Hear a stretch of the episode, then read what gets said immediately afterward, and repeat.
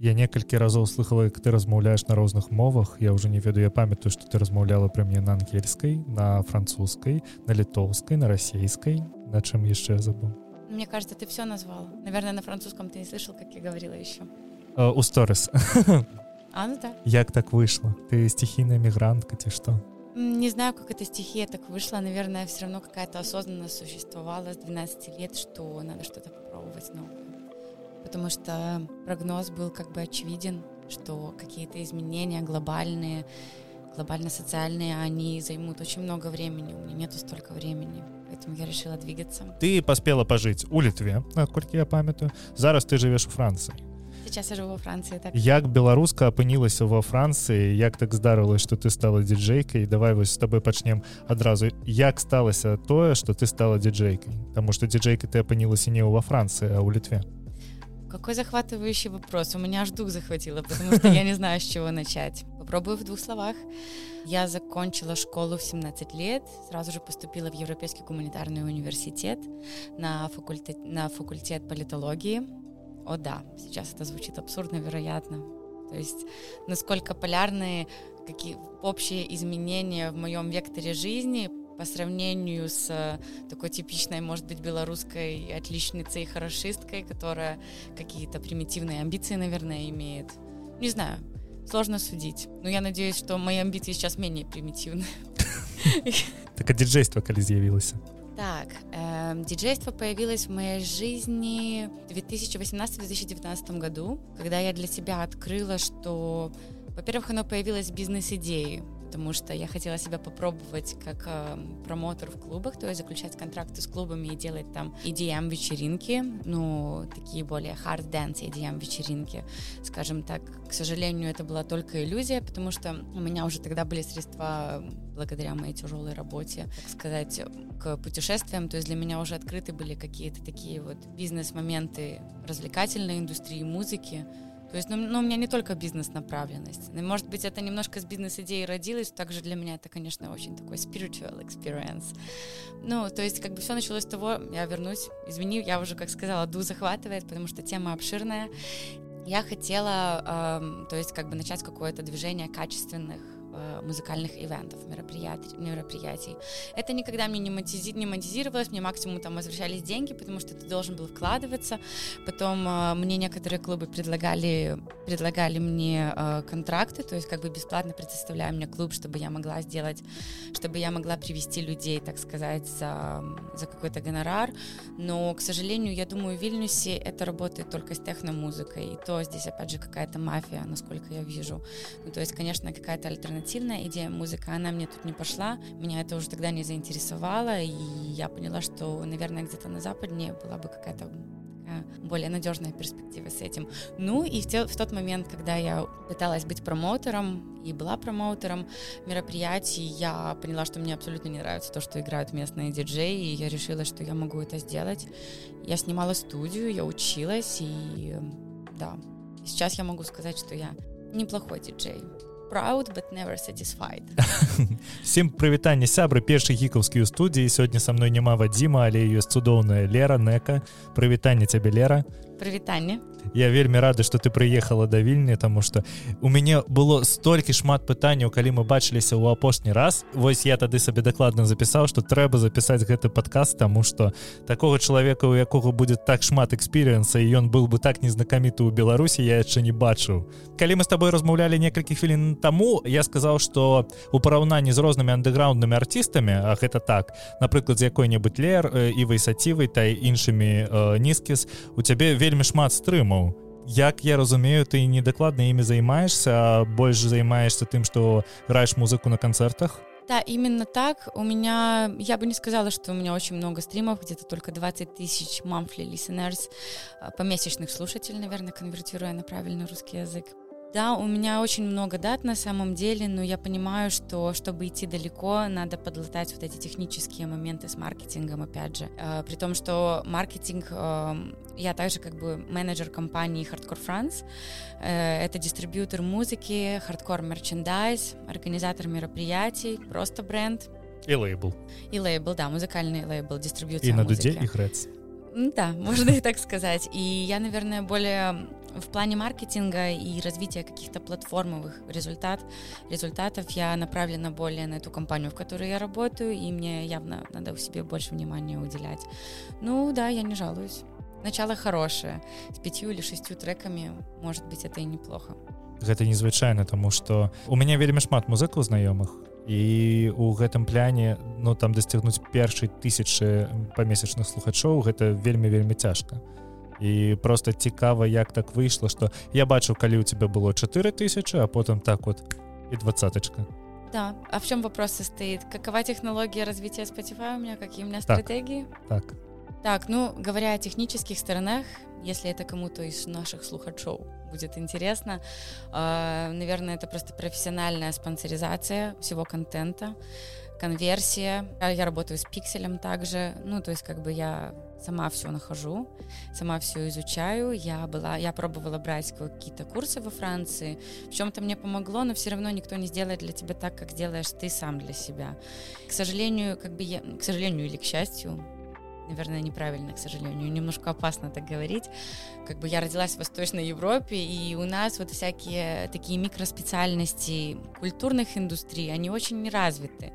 И как бы люди, которые как бы начинают вот это вот движение, пытаются как-то вот распространять свою музыку, свой бизнес, свой арт, в плане этого они достигают всего вот как самоучки, наверное, мне кажется. У нас как бы нет таких школ, микро а, какого-то маркетинга под маркетинга и так далее, ступенчатого какого-то или там разновидового digital маркетинг или просто стратегический маркетинг.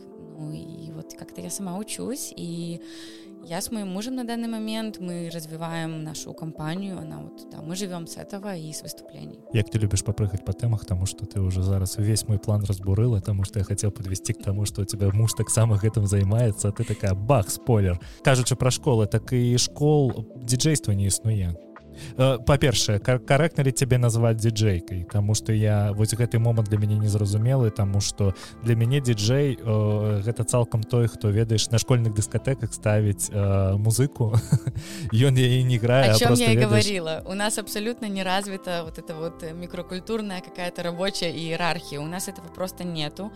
Э, может быть в Литве поскольку это несколько сантиметров все-таки западнее, это чуть-чуть получше, но на самом деле я раньше сама не представляла, что это может быть так, э, наверное, даже не про выгодность говорю, я на это не представляла, что это может быть настоящей профессией работой, с полной занятостью, с полным графиком, с контрактами, потому что я работаю с агентством, я подписана на, бель... на бельгийское агентство Foodworks, одно из самых больших, у них большие связи там с Tomorrowland и так далее. Ты на нем играла? Я играла, да, в этом году.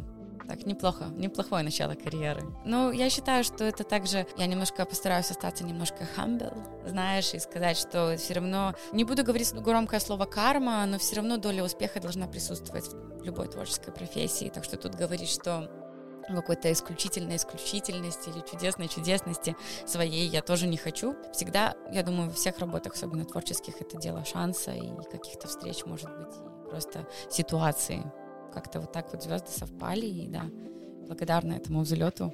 кажучы про тых з кім ты ўжо смогла папрацаваць паграць адзіныя сеты таму што я бачу што ты выпускаеш квіты з рознымі іншымі музыкамі з кем ужо давялося так папрацаваць ці просто пазнаёміцца Таму што я калі чую твае размовы про тое что ты там ёсць жа зорка доктор пікак які просто Ну я яго ведаю толькі таму што ён выпускаў свае самесныя трекі з долдD але калі ты кажаш тут ну вось мы сёння у там чарговы раз гуляем з до ой з доп DVD з доктор Пикок на одной сцене. Я такие, что, як так трапилось? Ну, на самом деле, он даже на меня подписан в Инстаграме.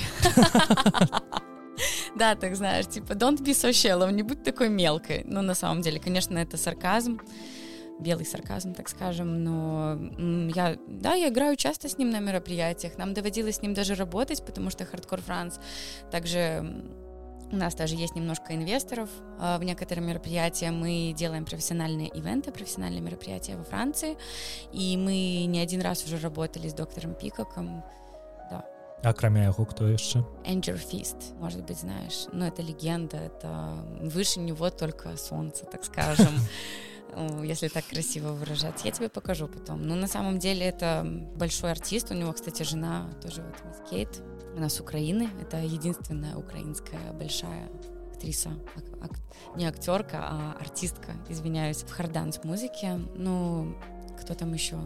Если опять же к вопросу подойти, с кем еще, то я опять заговорилась. Я просто играю на многих таких генеральных как бы фестивалях, general music, там и с поп-музыкой, и с техно. С техно много с кем. Там Лили Палмер, Борис Брейджа, эм, как бы много, но не то, что мы там уже, знаешь, это просто мы в, одном лайнапе, на одной афише. Ну ведаеш як это урок музык існуе калі ты напрыклад маленькі артыст і ты калісьці быў на адной сцэне напрыклад заскін александрай тады ты іграў заскін александрай ну да да. Просто как бы так сказать я может быть не очень такой pride seeker да ну, звучит, конечно, ужасно, сам себя не похвалишь, но... Не треба себя хвалить, я тебя похвалю. Спасибо. То есть, как бы чисто сердечно так вот могу сказать, что я мне бы не хотелось перейти на такую тропу вот этой какой-то э, тщеславия какого-то, потому что это очень убивает и бизнес-проект, и бизнес-связи любят люди, не любят это, и многие вот эти вот там настроенные как бы артисты, которые, у которых очень хороший взгляд, взлет, они начинают очень много о себе думать, и очень все быстро заканчивается, потому что что эта индустрия, как и любая, наверное, все-таки музыкальная индустрия, то есть вообще индустрия EDM музыки, я думаю, в техно, драм бейсе везде все одно и то же. Люди одни и те же, по сути. И отношения человеческие, суть отношений человеческих, и этики какой-то. Ну и к чему я хотела вести? То, что все везде одинаково, то есть везде конкуренция, и ты должен вести себя правильно, уважать себя и уважать других, и ну, не зазнаваться, так вот, если простым языком выражаться как мама наказывала, наверное. Это вельми мило. Да, но это мне мешает, я бы больше зарабатывала, если бы не моя я не просто глядзячы ведаеш на твой нстаграм глядзячы на то вот ці, э, як ты сябе падаеш у общнасці у сасайце тады вельмі цікава то что у мяне ёсць знаёмыя дзяджэйкі які яны не такія крупныя як ты але гэта дзяўчынкі якія заўсёды фоткаюць сваю дупу выкладаюць яе ў інтэрнэт у якіх вельмі сексуалізаваны вобраз і гэты вобраз яны цянуць заўсёды на, на сцэну тому что у меня есть знаёмая якая грае цалкам голая і заклеивае усе такія месяцы просто пластырамі. і і цікава тое что у тебе на першым плане музыка ідзе а толькі потым вобраз не совсем э, для моей индустрии я очень вызывающая у меня очень много критики в этом плане но дело в том что я я и была такая открытая как бы ну я не перебарщиваю опять же с какими-то нарядами и так далее но оно он лимит так еще чуть-чуть шаг влево шаг вправо и будет too much. Ну, это важно, потому что, чтобы привлечь внимание к музыке, ты и как бы я даже смотрю, если смотри, делать какие-нибудь тестинг пост на своих социал медиа, ты постишь что-то умное, у тебя очень такой приземленный речь, то есть как бы э, количество достигнутых людей по результатам поста, и постишь что-то абсолютно силий, но очень секси, и, конечно, как бы реакция лучше, и социальные медиа, опять же, хорошую статистику показывают. И дальше ты уже можешь постить что-то опять умное, потому что твои показатели опять высокие, у тебя большие просмотры. К сожалению, это так. Я не хочу как бы играть какую-то вот... Э, не говорю какую-то даже вот антимизогеничную и так далее. Нет, если женщина не хочет, она не будет продуктом или товаром. Ты можешь выглядеть гиперсексуально, но знать себе респект и честь какую-то и так далее. Ну, то есть не быть тем самым товаром, в котором нас в товарности как бы нас пытаются обвинить. То есть как бы, что вот, фейк диджей, только вот э, откровенные наряды и так далее. Ну, критики много в любом случае. Но я опять же как бы подведу в конце этого мини-монолога к тому, что э, есть у меня и как приоритет тоже хорошо выглядит, потому что без этого не будет других показателей. New Sad World. А вось гэтая распаведа пра фэйкавых дыджэяў ці ёсць такія дыджэі якія толькі вось як вокладка а самі яны не сачыняюць музыку гэта толькі вобраз толькі нарад не? Очень много и ты не представляешь сколько их. И в некоторых таких вот жанровых индустриях потому что hard музыка она по жанрам разделена. Есть hardstyle, это там 150 BPM, такая типа очень легкая, достаточно медленная hard -музыка, такая, это как для То, что подобается мне. Да. Fancy такая, знаешь, как бы там такие вот люди с загарчиком красивым приходят, такие девушки на каблуках, послушать hardstyle. Есть rawstyle, он очень, очень, он более такой violent, э, жестокий, э, сам кик и дизайн как бы звуков, э, ну тоже типа, ну это уже жестче. И есть выше, выше по BPM, ну то есть как бы там разные жанры есть, вот. Не только BPM, но и другие как бы звуковые составляющие, инструменты и так далее задействованные. А, вот, и к чему я клоню? Фейковый диджей. А, да. И то есть во всей вот этой вот индустрии, вот все-все-все жанры, если вместе собрать. Есть, например, 5-10 диджеев, которые пишут музыку для всех диджеев вокруг. Это большой такой вот подпольный бизнес, музыкальная индустрия. Як батл рэп просто. И вот 5-10 человек, грубо говоря, они держат всю индустрию, либо вот эту микроиндустрию поджанровую, там в hardstyle е, там, допустим, вот эта группа диджеев, они и сами большую карьеру имеют, и ghost продюсят кого-то. Вот. Э, ну и в каждой, вот в каждом жанре, наверное, хватает такого. Но это неплохо, не хорошо. Есть очень хорошие фейки. Я даже не могу, не могу сказать, что они фейки, потому что на сцене они великолепны.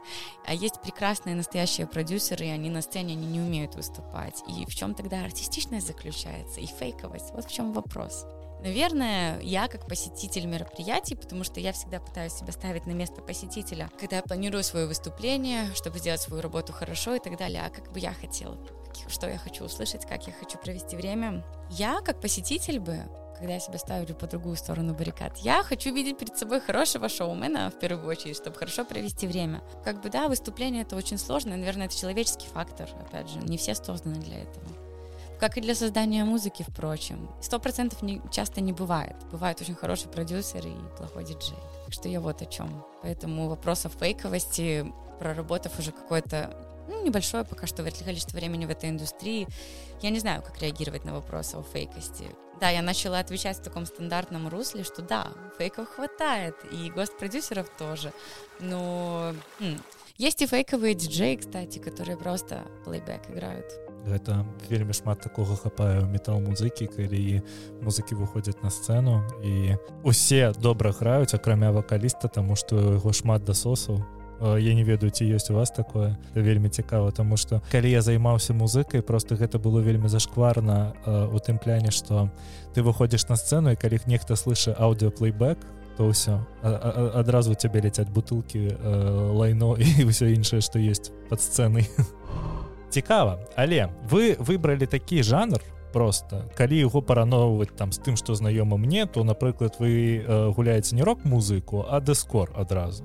Таму што гэта такі вельмі вельмі цяжкі вельмі такі кікісты ці можна сказать кікісты э, драмовы стайл э, які просто разрывае вось вельмі вельмі сексісткі вопрос зараз будзе але як дзяўчынка ў гэтым апынілася? Mm а как большинство девчонок опыняются в металл-музыке и так далее. Ну, то есть это для меня это произошла конвертация из инструментально тяжелой музыки, наверное, в электронную. То бок была не некая эмо-тема? Тема, а, была и есть, наверное. Верните мне мой 2007 и шестой тоже неплохой был.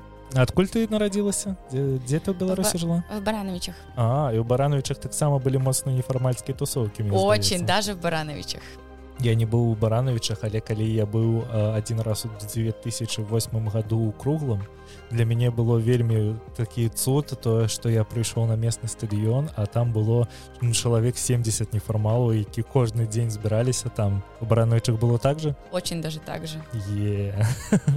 везде мне кажется даже кеды одинаковые у всех были. Калісьці мода на гэта завернется я буду шчаслівы.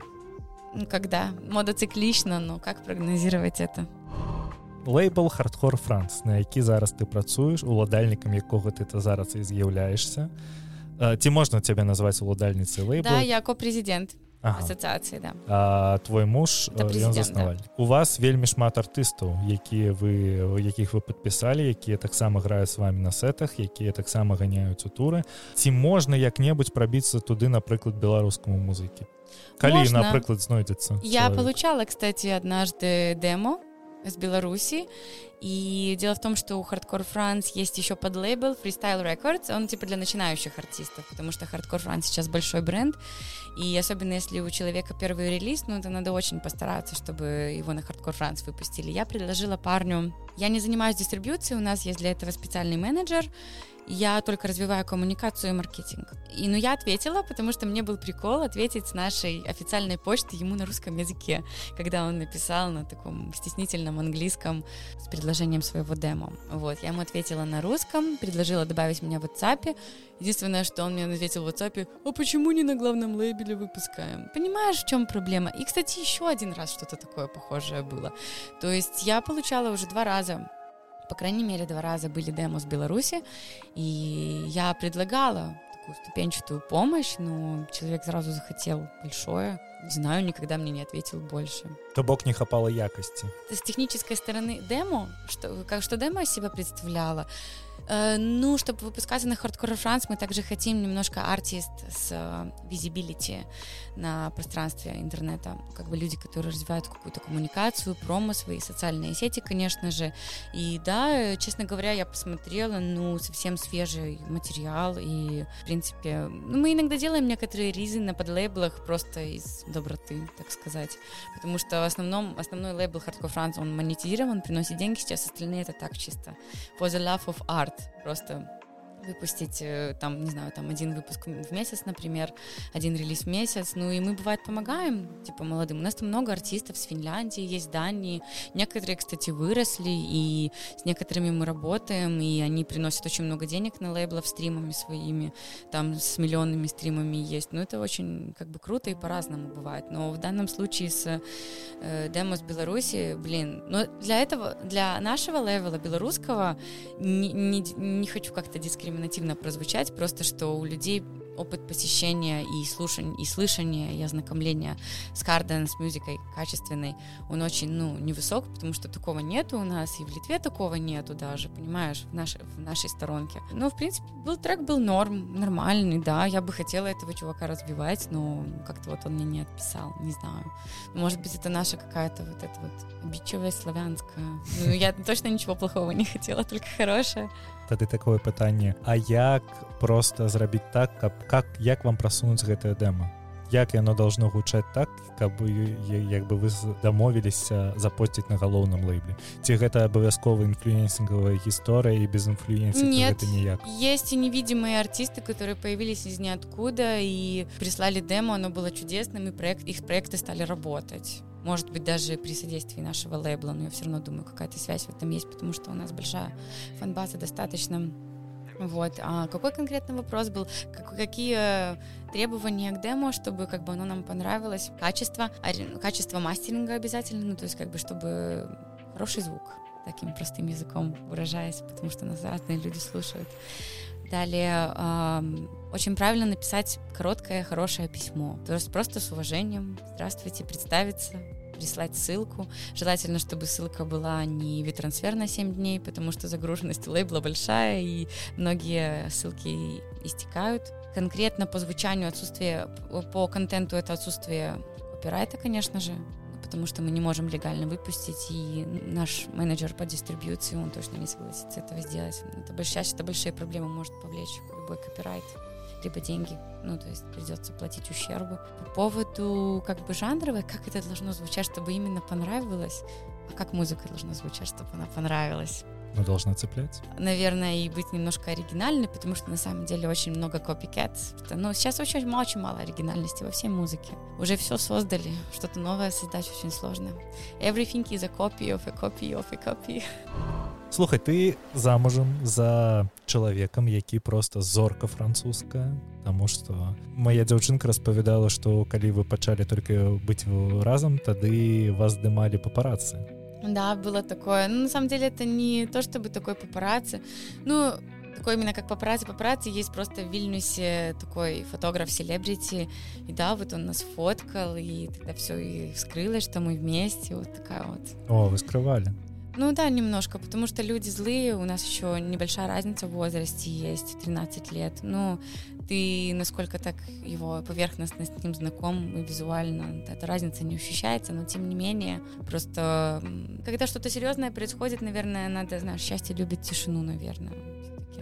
Ну так вот, если просто высказываться. Ведаю я одного такого Олега ЛСП, який так же сам оказал заўсёды, что счастье любит тишиню. Я думаю, так и есть, поэтому да, ну Я чаго пытаю просто я ведаю что ты займаешься яго маркетингом але каб распавесці гэту гісторыю трэба просто даць некалькі водных данных э, хто твой муж і чаму ён такая зорка чаму вось у нармандіі існуе вось такой Денис масон можешь распавесці?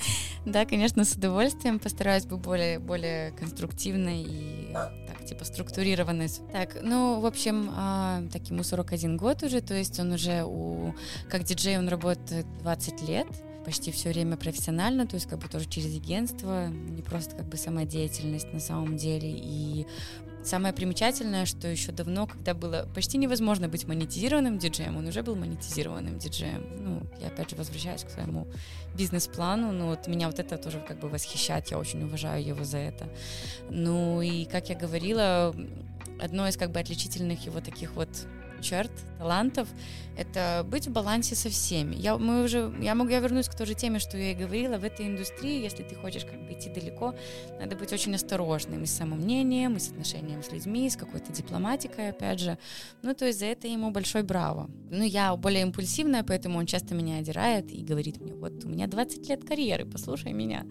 И в итоге он прав почти всегда, так что, да, как бы вот за это я его могу абсолютно как бы похвалить так вот подчеркнуть такой момент, потому что на самом деле любая творческая работа, я не говорю про супер огромные коммерческие проекты, поп-проекты, а, ну вот такая вот работа, где тебе надо соприкасаться с другими как бы коллегами и так далее, надо всегда держать хорошую линию и как бы оставаться, наверное, человеком. То есть это не только музыка. Конечно, он очень много сделал для музыки, то есть выпустил очень много винилов, много релизов на винилах.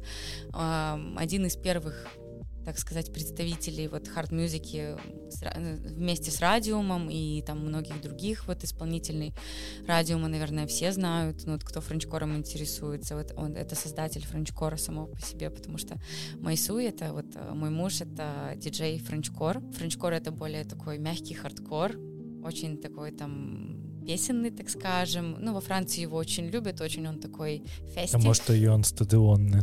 Он festive его очень.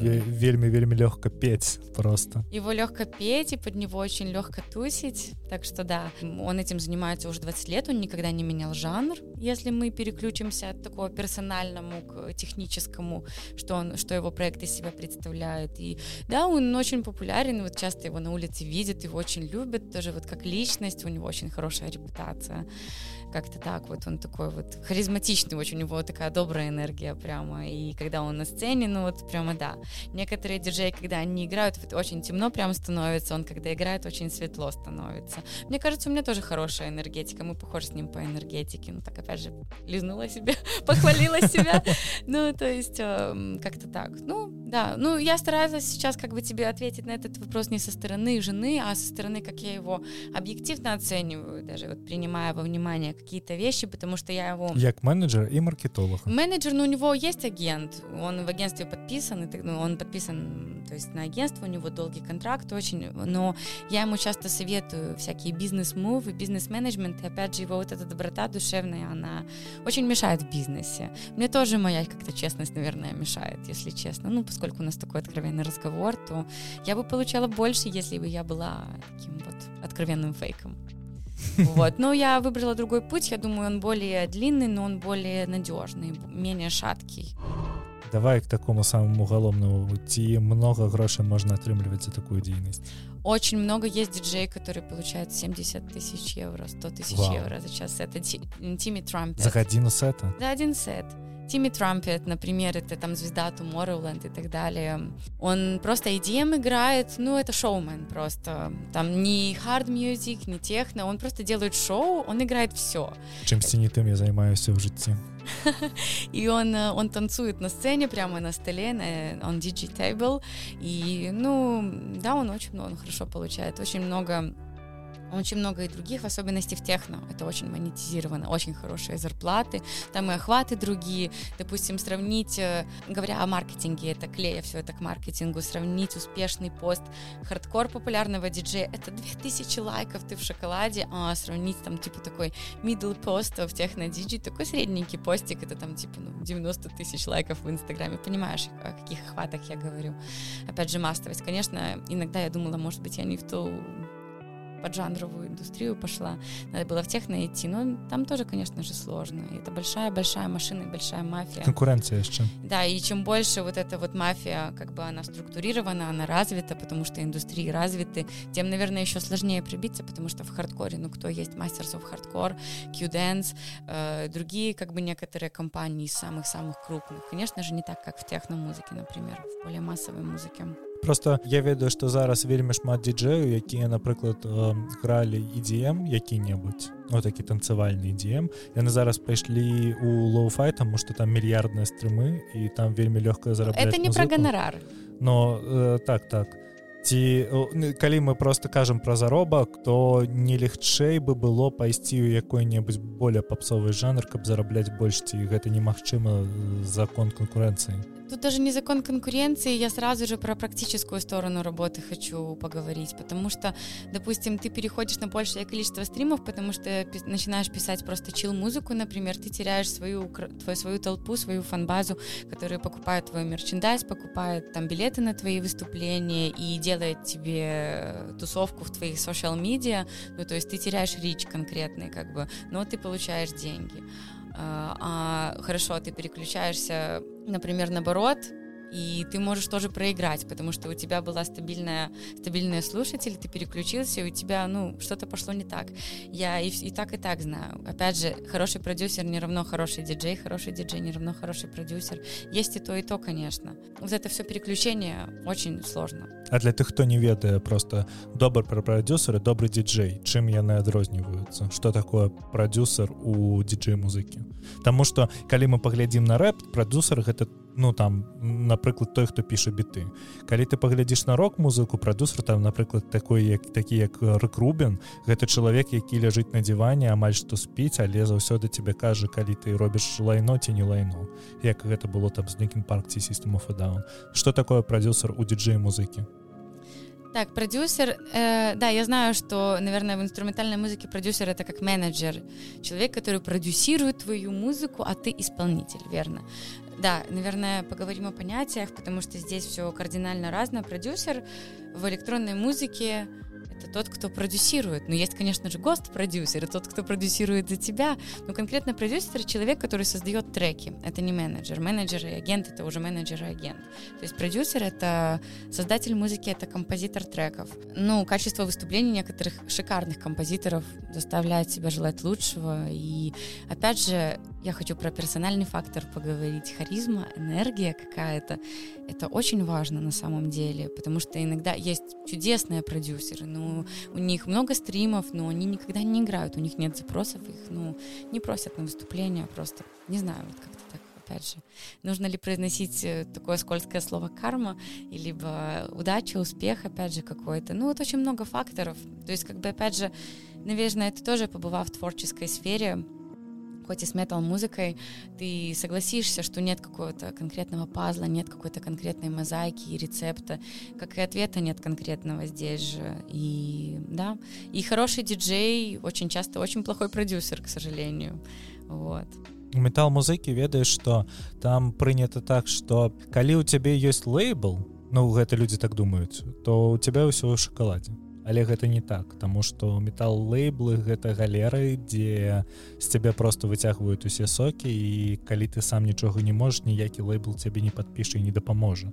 Таму что метал лейбла яны ўвогуле не дапамагаюць. Яны просто цябе манетизируюць за цябе. і і з гэтага забіраюць там 75-80 соток отставляю тебе. Совсем маленькую круху вось есть такія большие большие банды. Есть такая банда за метеафлікшн і гэта вельмі неверагодны э, рассказ. Яны подпісаліся на лейбл. Вельмі вельмі э, мне здаецца гэта был invisible noise. Гэты invisible noise у іх забраў 99 адсотак манетизацыі то бок яны э, сабе атрымлівалі толькі одну адсотку і гэта было на працягу 4 ці 5 альбомаў і вось у гэтым пляне неверагодна і мне вельмі цікава просто колькі забіраюць э, такой сярэдні лейбл з диджея монетизации? Ну, в основном это 50%. Некоторые большие лейблы, я не буду называть имен, берут больше.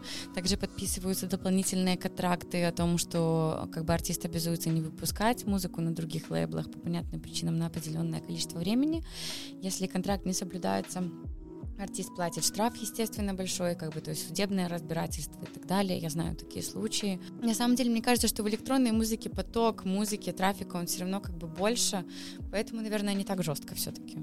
просто калі з тобой размаўляем про адсоткі і про іншае что забіраюць у себе лейблы мне э, гэта все нагадывае гісторыю блэкстара якія ну там напрыклад з імі быў падпісаны егор крыт элвантах і так далей і артысты якія прыходзілі да іх лейбла яны подписывалі спецыяльную дамову что усе правы на імёны на усе трекі адыходзяць лейблу. Так ли гэта у вас? у У нас не так. Ну, я, кстати, забыла упомянуть про одну большую проблему.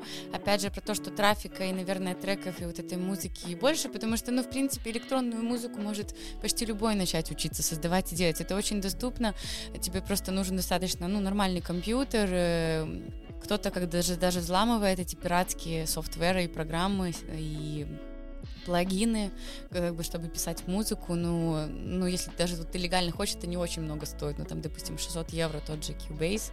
Это программа основная, самая лучшая, на мой взгляд, для написания музыки. Я сказал мой опошний гитарист Cubase для быдла. Ну, не знаю, может быть, в разных жанрах это по-разному. Каждому свое. Ну, может быть, нас быдлом считают. А? Так вот, и опять же, музыки очень много, и очень много лейблов есть нечестных, они просто не платят, и как бы вот говорят, что вот все, нет продаж, стримы пошли, а трек никто не покупает, вот тебе там, допустим, 50 евро просто вот за полгода, все, трек не пошел, и как-то так вот, либо вообще не платят, как бы, потому что все-таки в этой вот э, электронной музыке, мне кажется, вот только вот самых-самых крупных лейблах это защищено. У нас тоже вот все с контрактами, все нормально, мы платим, мы платим. Но я знаю много очень плохих историй, потому что, опять же, музыкальный лейбл с электронной музыкой каждый может создать. Да сейчас лейблов больше, чем артистов в электронной музыке, даже в хардкоре сейчас, и hard dance е, и hardstyle е, и так далее. И особенно после карантина, потому что люди думают, что так вот все, сейчас все диджитализировалось, и, может быть, настал мой час стать великим менеджером лейбла какого-то нового, и это тоже убивает качество, потому что, ну, как бы вот это вся, вот эти все мелкие лейблы, они не дают, допустим, во Франции развивать, ну, как бы, опять же, потому что там все воюют на лейблах, как обычно, какая-то конкуренция, и, опять же, вот, ну, палки в колеса ставят, а не лучше ли бы просто, как бы, чтобы вот осталось несколько организаций, лейблов, и они бы это развивали. Нет сертифицированности в hard dance мюзике на такие вещи, вот я о чем говорю. Если в инструментальной музыке есть, очевидно, какие-то вот профессиональные лейблы, других, наверное, нету, потому что, в принципе... Есть, есть, вельми шмат. Есть, да?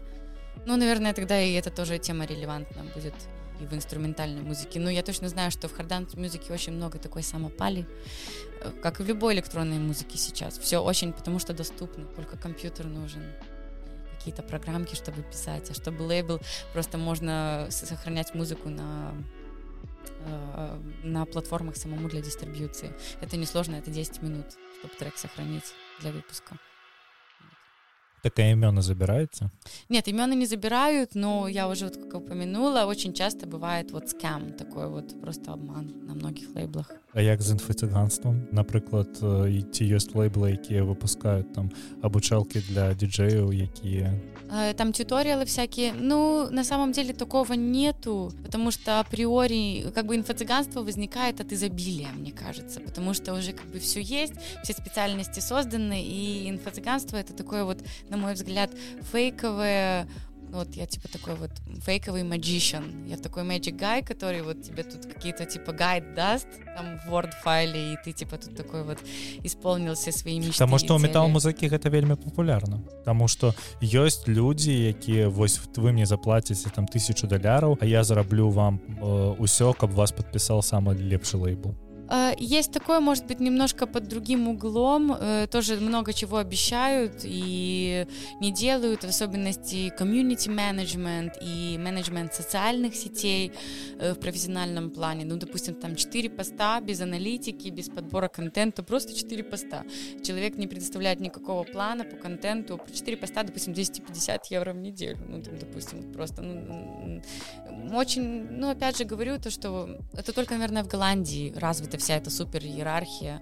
Во Франции все еще эта проблема остается, поэтому как бы хардкор Франс тема уникальна, что у нас какая-то вот эта вот структура командная, она выстраивается, ответственная структура по ответственностям и так далее, и контракты и так далее, все очень официально, все профессионально, все лицензии у нас есть, страховка и так далее, поэтому, ну, как-то все соблюдается. Вообще, да, хватает такого вот обмана, конечно, да. Но мне кажется, кстати, это не только от отсутствия кадров каких-то происходит, просто, наверное, это сейчас так есть всегда, люди очень мало качественного сервиса становится сейчас во всем. Можно ли это к инфо-цыганству отнести, не знаю, но там всяких фейковых агентов и так далее есть очень много. Также, опять же, про какую-то дипломатию личностную, если ты кому-то не нравишься и на каком-то лейбле или в агентстве, то все сделают для того, чтобы как бы, ну, у тебя не рентабельный проект был бы. К сожалению, я опять свожу все к каким-то вот человеческим интригам, факторам, но человеческий фактор или фактор линии человеческих отношений на креативном пути, на развитие своего вот арт-проекта очень важен, к сожалению. И опять же, поэтому я не могу тебе так прямолинейно ответить. Много всякое вот бывает вот такой вот негативщины из профессиональной, но часто профессиональная вот эти вот э, какие-то моменты, неудачи, они связаны с какими-то, опять же, вот личностными вещами. Не то, что там какой-то вот loser project, просто ну вот неудачный проект и не получился, просто вот, ну не идет, не встречаешь нормальных людей, которые хотят продвигать твой проект или, может быть, вложиться в него.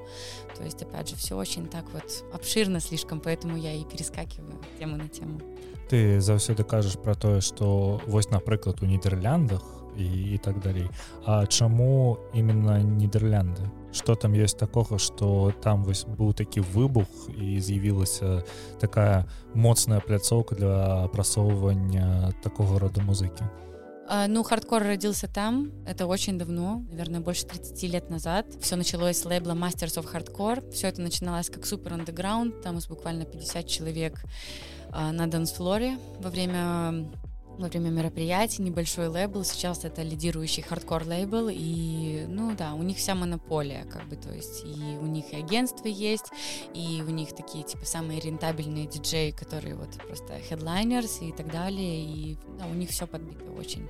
Стримы, плейлисты, монополия на плейлисты и так далее, вот, как бы, да, с ними надо хорошие отношения иметь. Мы, кстати, недавно записывали э, видеомикс для Masters of Hardcore, Special French Core Emission, специальный выпуск френчкор миксов по 45 минут, ми и мой муж, Майсуй, и, ну, хорошие там просмотры, да, хорошая реакция, все равно что-то свеженькое, потому что в Нидерландах, опять же, я уже, как говорила, они держатели традиций, там gabber, это все родилось с gabber а, как бы начальник всех хардкор жанров, скажем так, и как бы все равно они достаточно консервативные музыки. Ты должен звучать Dutchy, так немножко по-голландски, когда ты играешь в Голландии, потому что если ты играешь просто frenchcore, люди уходят со сцены. Ты должен адаптировать и какую-то жесть вот играть, как они любят. И такое увидишь только в Голландии. Можно посмотреть видео в Ютубе, там бабульки танцуют hakken э, под, э, ну это такой дан dance, как шаффл или там, не знаю, jump up, ну вот можно много видосиков посмотреть, загуглить в том же ТикТоке. Hakken этот, этот голландский танец хардкорщиков, и люди, там просто там техноаппарат, но с хардкор-музыкой, и вот все пожилые люди и так далее, все танцуют. И это очень уникальное движение. На фестивалях в Голландии я часто вижу и всеми семьями приходят с бабушками, с дедушками, с маленькими детьми.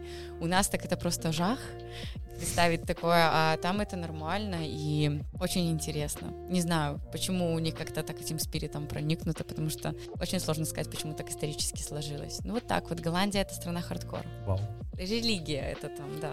Поэтому для всех э, людей мечта это играть на голландских фестивалях Harmony of Hardcore. Конечно же, когда туда заходишь...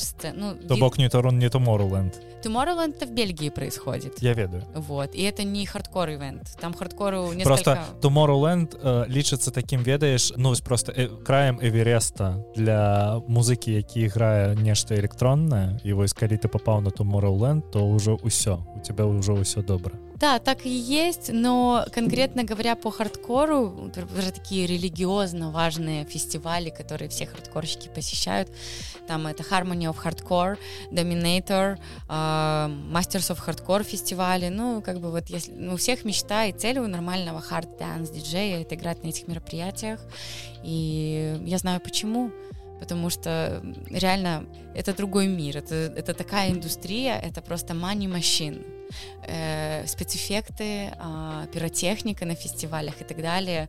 Ну, то есть вот эта вся детализация, бизнес-детализация и вообще количество посетителей, оно очень, конечно, впечатляет. Это нечто. И дизайн сцен тоже, ну, это другой мир, другой мир абсолютно. В Восточной Европе вот нету такого уровня фестивалей. В Голландии они мастеры, мастеры фестивалей не только, э, не только, наверное, в хардкоре и хардстайле, вот, как-то так вот вот такая вот страна интересная. Не только трава продается. Абсолютно нет. Кстати, многие голландцы даже как-то не курят и равнодушны к этому. То есть такой вот нету наваждения какого-то в этом плане. Я ведаю у меня просто мои супрацоўнікі яны поехали жыць у нідерлянды і яны такія ну першую тыдзень мы нешта палілі а потым гэта ўсё надоело і далі мы пачалі хадзіць на музыкальныя фэсты і просто э, нідерлянды гэта яшчэ такая рэч. Вось ты ведала што ў нідерландах вельмі папулярна класічная музыка Да, я знаю, там такие, там, там большая категория таких вот интеллигенции такой и так далее, но в то же время эта интеллигенция, она тебя воспринимает как равного, потому что я часто вот, бываю... Я про это хотел сказать. Вот, я, кстати, вот бываю часто в Голландии, мы часто играем в Голландии, и, конечно, иногда я, бывает, беру день плюс, чтобы вот мне спланировали транспорт и отель, чтобы я могла день больше побыть, просто понаслаждаться Амстердамом, если у меня есть время, и я люблю общаться с людьми просто, и вот такой вот среднестатический офисный работник, хорошем костюме, он будет смотреть на тебя, неважно, что ты приехал играть на хардкор-фестивале, очень даже с уважением, у них как-то вот нету такой дискриминации, очень, очень круто. Не да. як у нас таму што у нас калі ты іграеш музыку на рэйвах ты такое ведаеш трэш. я, я уже не играю на рейвах к счастью это в прошлом рейвы и профессиональные мероприятия отличаются я ведаю і у меня быў вопыт я э, граў некалькі сетах на рэйвах ну гэта такі тэхнарэйвы просто былі ў менску гэта заўсёды быў странны экспер вельмі цудоўна гуляць на рывах мне вельмі падабалось гэта але адчуванне таго что гэта нейкі глыбокі андеграунд яно цябе не пакідае ніколі. А калі я гляджу на твае сторасці відарысы з вашими выступленнямі я бачу что гэта такі інтэртэймент фестиваль які вось ад слова інтэртэймент что гэта перш просто нешта зацікаўленае развлекательное і гэта нешта вельмі прафесійнае Да, так и есть, наверное, ну не только в этом разница. В визуальности, зрелищности и самом качестве для посетителей. Не забудем про посетителей, потому что все в этой сфере, и в том числе моя работа, держится на посетителях, потому что без фан-базы, опять же, нету и проекта. И, то есть, говоря про эту разницу между андерграунд рейвами и профессиональными мероприятиями, не только в этом, но в защищенности артиста, наверное, тоже. Все с контрактами, то есть, как бы все оплачиваемо, то есть, как бы твой труд оплачиваем оплачивается. Но опять же, про оплачиваемость труда видишь, труда видишь на рейве другая ментальность в этом плане. Рейв, он как бы типа бесплатный сам по себе. Тут изначально все другое. Расповеди это у Минске. Правда? Конечно, ты что. Ну, в Европе рейвуха, как бы рейв, это считается типа такой, ну, там типа либо очень символичная плата, там, например, просто. Ну, он антикоммерческий, потому что рейв — это rebel, вот, и поэтому у меня, кстати, очень много хейтеров в рейв, э, в рейв-тусовках и так далее. Продалась. Что... Да, да, точно, да.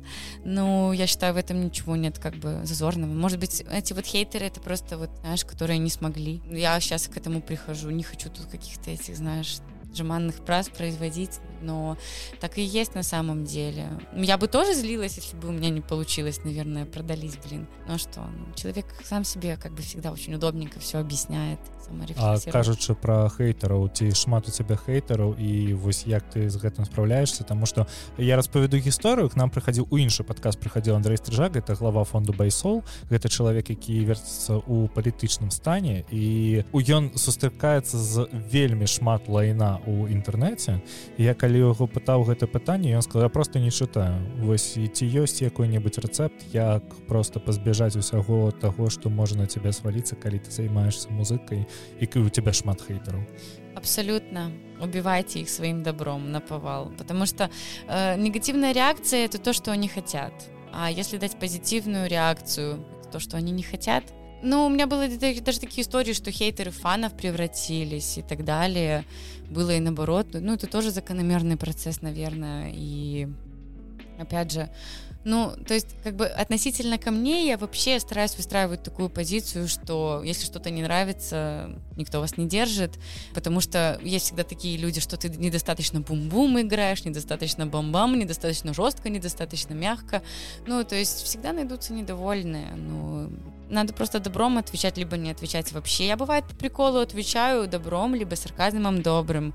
Ну, я просто, знаешь, судя по себе, наверное, каждый признается после моего высказывания, человек, который злится и кого-то хейтит там публично или онлайн, ну, он выплескивает что-то, ему нехорошо, как-то так. Но это не значит, что я их там люблю, я не буду тут тоже, знаешь, кидаться выражениями «я люблю своих хейтеров». Да, кстати, с какой-то стороны, когда их больше стало, у меня очень хорошо проект пошел. Это очень хорошая бесплатная реклама, на самом деле. Знаешь, это все та же одержимость, лав и любовь или ненависть, наверное. Поэтому, в принципе, тоже хорошая валюта. А якой хейтер больш за ўсіх запомніўся что зрабіў так это еще в литве было до того как я переехала во францию дело в том что неко это кошка на японском языке а неко на литовском потому что я в литве проживала почти 8 лет и начала все в литве делать это ничто о что у нас сегодня играет неко играет он написал большой пост и потом как-то тоже под плакатом по-моему под афишей что-то такое написал там и было очень много ре... и он выложил это в facebook было очень много реакций и так далее. Ну, как-то такой вот абсурд. Потом он очень извинялся, пытался меня выловить постоянно как-то. Потом моего мужа уже теперешнего пытался выловить, чтобы мне передать, что он ничего не такого не имел в виду. Ну, и недавно он мне писал сообщение, знаешь, я приснился, что ты беременная, типа. И я еще хотела ему написать ты еще, типа, не это, не это, почковался, типа, ну, на самом деле, ну, типа, отвали. Но я ничего не отписала. Уже мне нечего, у меня хороший тогда день был, я куда-то на выступление ехала играть, я это, я это сообщение вижу, я такая, ну что с вас взять? Понимаешь, о чем я говорю? И, ну, было, конечно, было и злой, была и злая агрессивность от других людей, такая прямо слепо агрессивная, не понимаю за что. На самом деле я стараюсь, типа, там, знаешь, единорогов, радугу как-то распространять на выступлениях. Не, на самом деле я не являюсь стопроцентно позитивным человеком, но проект, мой рабочий проект, мой бизнес-проект предусматривает, типа, positive hard music, потому что слишком очень много темной хард-музыки. Ее и проще сделать, а быть, типа, таким позитивным зарядом и так далее. Кстати, у меня и сообщения приходят, что там, типа, о, ты помогаешь мне избавиться от э, тревожности или чего-то там еще. Это самые лучшие комплименты, там, знаешь, каких-то других статусов или, может быть, даже там, не знаю, там 10 тысяч фейковых лайков на, на, в посте в Инстаграме, понимаешь, о чем я говорю. То есть, как бы, проект, он работает, и, конечно же, лично я тоже, мне это радость приносит. Не только говорю, что вот, вот проект работает, деньги мне приносит. Но это круто, все равно какой-то минимальный свет нести. Хотя я, повторюсь, я не являюсь там матерью Терезы и так далее. Но это прикольно. Просто когда я появляюсь на сцене, я перерождаюсь, я как-то забываю о своей какой-то агрессии, о каких-то своих недостатках. Во мне только хорошая энергия фонтанирует, и я вот честно могу сказать, что, ну, да, это, наверное, моя цель помимо финансового заработка, конечно же. А финансово отчуваешь себя зараз добро? Да, да, хорошо, и будет еще лучше, надо только продолжать. Як складаецца заробак такого артиста як ты? Гэта ганарар з канцэрту гэта стрімінгі? Так. гэта мерч? Так. Что яшчэ? Собственно все там бывают конечно рекламу делают диджеи некоторые. Бывает инфлюенсеры просто. Когда как инфлюенсер или эм, как тебе объяснить еще? Ну, есть такие микрозаработки, но стандарт это, конечно, концерты, то есть выступления, это мерчендайз и стримы, три составляющих. Остальное тоже, конечно, там есть. Ну, например, что я могу в пример привести? Технические услуги какие-то, мастеринг, то есть, или там сведение какое-то, то есть, ну, технические, грубо говоря, моменты, а так, это как сторонний заработок. Многие диджеи зарабатывают в студии также работая на других диджеев. Не только гост-продюсинг, даже вот просто помощь техническая просто гэта цікава тому что напрыклад усе амаль што знакамітыя музыканты ну такія цяжкай музыкі яны напрыклад пишутць фіты за грошы. І гэта ну цалкам Мабыць адсотак 20 іх заробка тому что есть сервисы где ты можешь набыць там на фіт вокаліста які там напрыклад гэта будет келі келен Куин з слепеного сайренс і он за 5000 евро запіша цябе частку свайго куплета для твоего трека То есть ты имеешь в виду, или есть такие коллабы, когда ты так. платишь диджею мне кажется, это не афишируется больше. Есть сделочные всякие коллабы. Допустим, один диджей поможет другому диджею играть где-то на большом фестивале, потому что у него связи и у него хорошие отношения со своим агентством. А тот диджей напишет трек весь и сделает это как коллаб, например. А ага. про такое, наверное, только с вокалистами, конечно же, с MC со всякими. А чисто такой диджейский коллаб есть такие варки, так называемые, да-да мне мой соведучы Вадим просіў табе перадаць что цябе трэба сделать а, у нас есть ахеренная капелла трека пагоня які спяваю вольных пор я тебе ее потым пасля мне мама уже говорила сделай бутлек с погоней да трэба трэба нам вельмі вельмі трэба хардкор ремікс на пагоню ці можна замовіць такое колькі грошай прыйдзецца аддаць mm, ну я могу сделать этот ремикс и выпустить его типа Вау наверное, да, я бы могла, да, технически. Но вообще, типа, стоимость треков, я знаю, конечно же, сколько это стоит примерно, я не буду тут кривить душой, ой, я не знаю, да, что... Ну і колькі? Ну, Порази стоимости меня. разности есть там до 300 евро до 2000, например. Ага. Потому что качество работы, конечно, всех продюсеров, композиторов, хорошо заменим на композитор, опять же, разное, вот. Мне кажется, есть и дороже, наверное, я уверена, да, так что, ну, средняя цена это вот от 300 до 2000 за трек. Сейчас появятся какие-нибудь хейтеры, хейтеры ага вот она знает. Покупала. Ну, что пасля гэтага подкаста яшчэ з'явіцца а так у яе муж яна вось выйшла замуж шлюбавалася да. поехала во сваю францию прыехала на ўсё готовое ты что так заўсёды нам один раз пред'явілі нас рапаснуў я уже не буду казаць хто нас рапаснуў вельмі большы інфлюенсер у нстаграме гэта хлопец у якога там под 200 тысяч подписчикаў і гэты youtube інфлюенсер ён там напісаў некалькі некалькі каментароў і ну то бок там послухайте мне спадабалось бла-бла-бла-бла-бла-бла і к нам прыйшлі людзі такія вы набылі рекламу вы гэтага чалавека. Ах вы гніды гразь лайно. Таму чакай усяго чаго хочаш. Гэта заўсёды так ведаеш не ведаеш адкуль заўсёды прилетіць знаешь есть такое выражение there is no bad buzz there is only buzz то есть если уже говорят значит это кому-то нужно. Не гэтаму так ставлюся что гэта ж просто трафик дадатковы трафік тому что э, гэта як на Ютубе. Э, лайки дизлайки яны ніколі не э, влиялі на тое что адбываецца з віда яно заўсёды прасоўваецца калі ты глядзіш секунду відэо і выключаешь яго вот гэта лайну калі вы хотите зрабіць кепска youtube блогеру просто не глядзіце яго відео і ўсё я об этом же говорю. Это тут тое ж самое. Вялікі дзякуй табе за тое что прыйшла гэта было вельмі цікава Я думаю что у кого-небудзь калі появятся пытанні мы с тобой можем праз год Мабыць яшчэ раз зрабіць такі ж выпуск я зберу усе пытанні якія да тебя дашлюць і пасля гэтага мы это было бы с удовольствием Дякую вялікім Дякую за тое што паслухалі першы гікаўскі нагадваю у нас ёсць цудоўны тэлеграм-канал з гікаўскімі навінамі на беларускай мове. Таксама у мяне з вадзімам ёсць твиттер вы можете подпісацца туды спасылкі леры і яе Spotify та іншыя пляцоўкі я заставлю у каментарах по гэтаму можете заўсёды паслухаць спасибо. До скорых встреч